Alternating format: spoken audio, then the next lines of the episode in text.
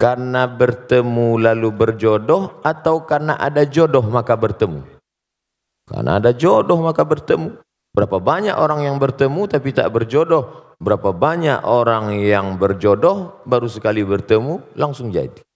كانوا قليلا من الليل ما يهجعون وبالأسحار هم يستغفرون Assalamualaikum warahmatullahi wabarakatuh. Waalaikumsalam warahmatullahi wabarakatuh. Senang sekali uh, kesempatan bisa bertemu dengan guru besar Ustadz Abdul Somad. Barakallah. Uh, saya baru saja menikah.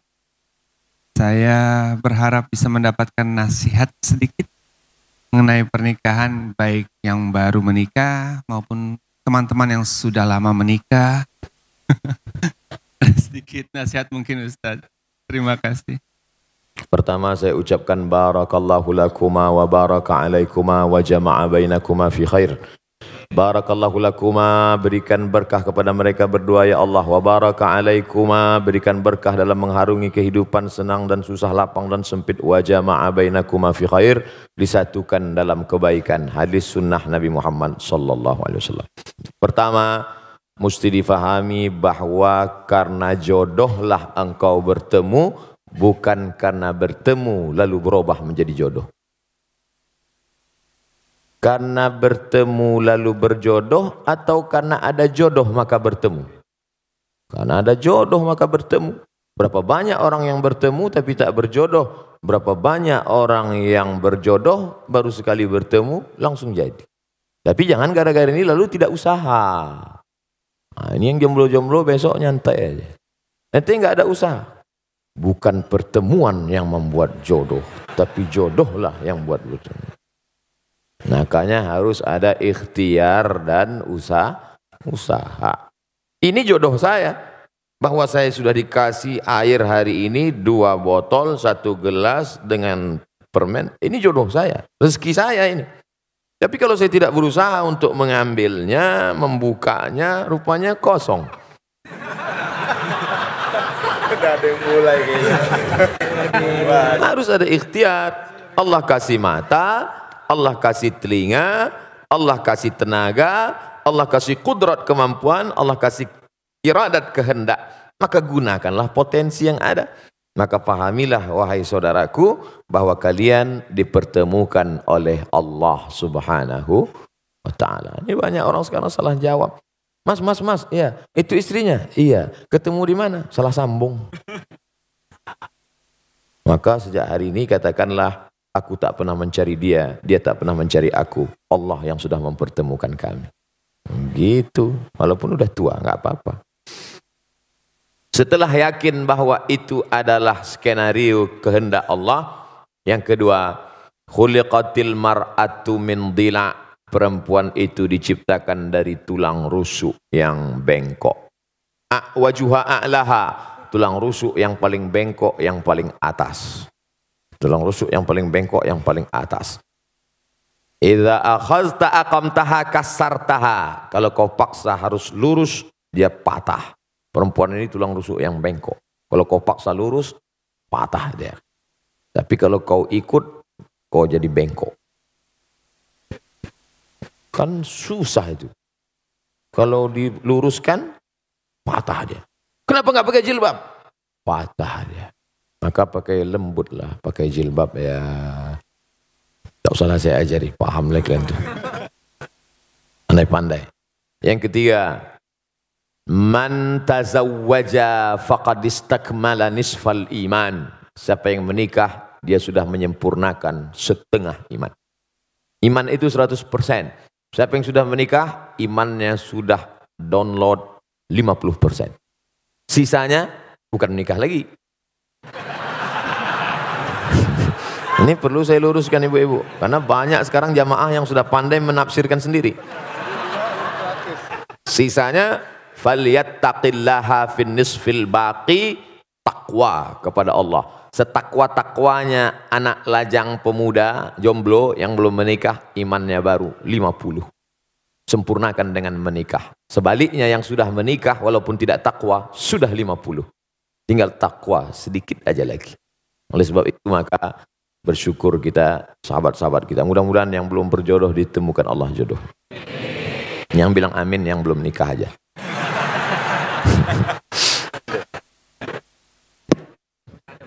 Masih ada. Ini baru tiga. Yang keempat. Dulu ketika engkau sendirian wahai saudaraku yang kau urus solatmu saja. Yang kau urus jilbabmu saja. Oh tak pakai jilbab. Tapi setelah kau menikah sekarang ada beberapa gerbong kereta di belakangmu, tanggung jawabmu besar. Dulu yang penting sholat sudah, tapi sekarang kau sudah menjadi imam. Berusahalah menjadi imam yang baik. Yang kelima, nikah dalam Islam bukan hanya seks, tapi ada yang lebih bermakna daripada itu. Ada amal yang mengalir, yang tadi rajin sholat duha, stop kalau mati. Yang rajin baca zikir doa, habis kalau mati. Tapi yang menikah ada amal yang tidak mati. Waladun salihun anak yang soleh. Mudah-mudahan dari kalian berdua dan yang lain-lain diberikan Allah anak-anak yang soleh dan soleh. Amin. Ya Rabbal Alamin. Berikutnya pertanyaan, Amar. Assalamualaikum warahmatullahi wabarakatuh. Waalaikumsalam. Selamat pagi Pak Ustadz. Selamat pagi semuanya. Ketemu lagi kita Pak Ustadz. Kemarin saya pernah bertanya sama Pak Ustadz. Ya. Dan saya tidak pernah bosan untuk bertanya lagi sama Pak Ustadz. Baik. Saya tertarik sekali dengan ceramah Pak Ustadz barusan yang tentang em, ngerusak diri fisik maupun metafisik.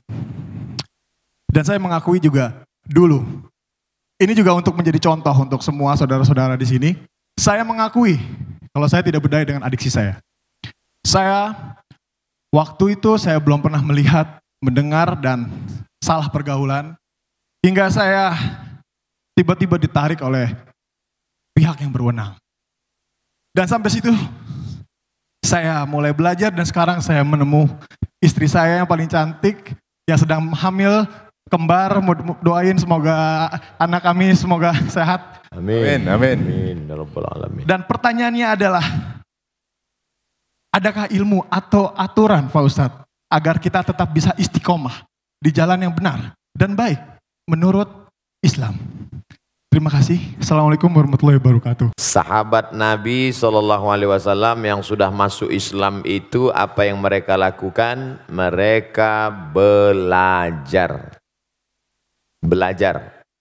La ilaha illallah. Tapi lihat pangkal ayatnya, bukan ujuk-ujuk langsung la ilaha illallah. Fa'lam annahu la ilaha illallah. Berilmu dulu. Kami belajar melalui medsos, bagus.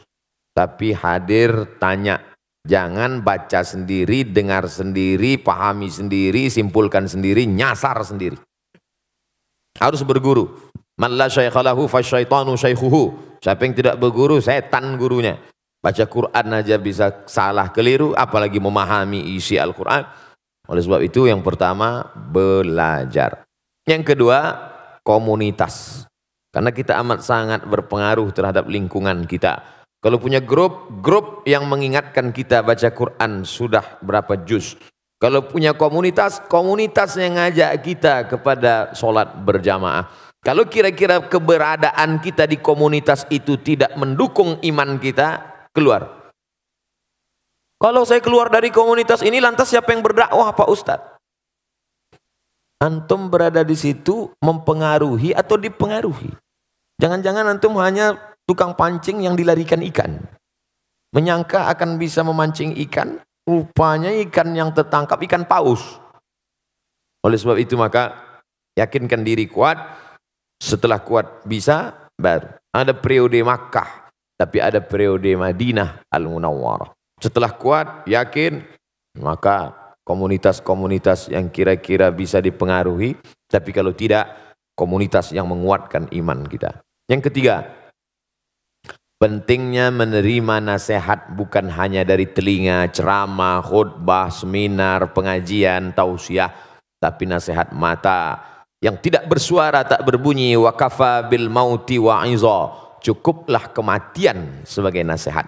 Makanya kalau ada orang meninggal datang, Syukur-syukur bisa ikut gali kuburnya, ikut masuk ke dalam. Man syahidal jaza janazata siapa yang menyaksikan jenazah hatta tusalla alaiha sampai solat jenazah dapat pahala balasan qirat satu qirat.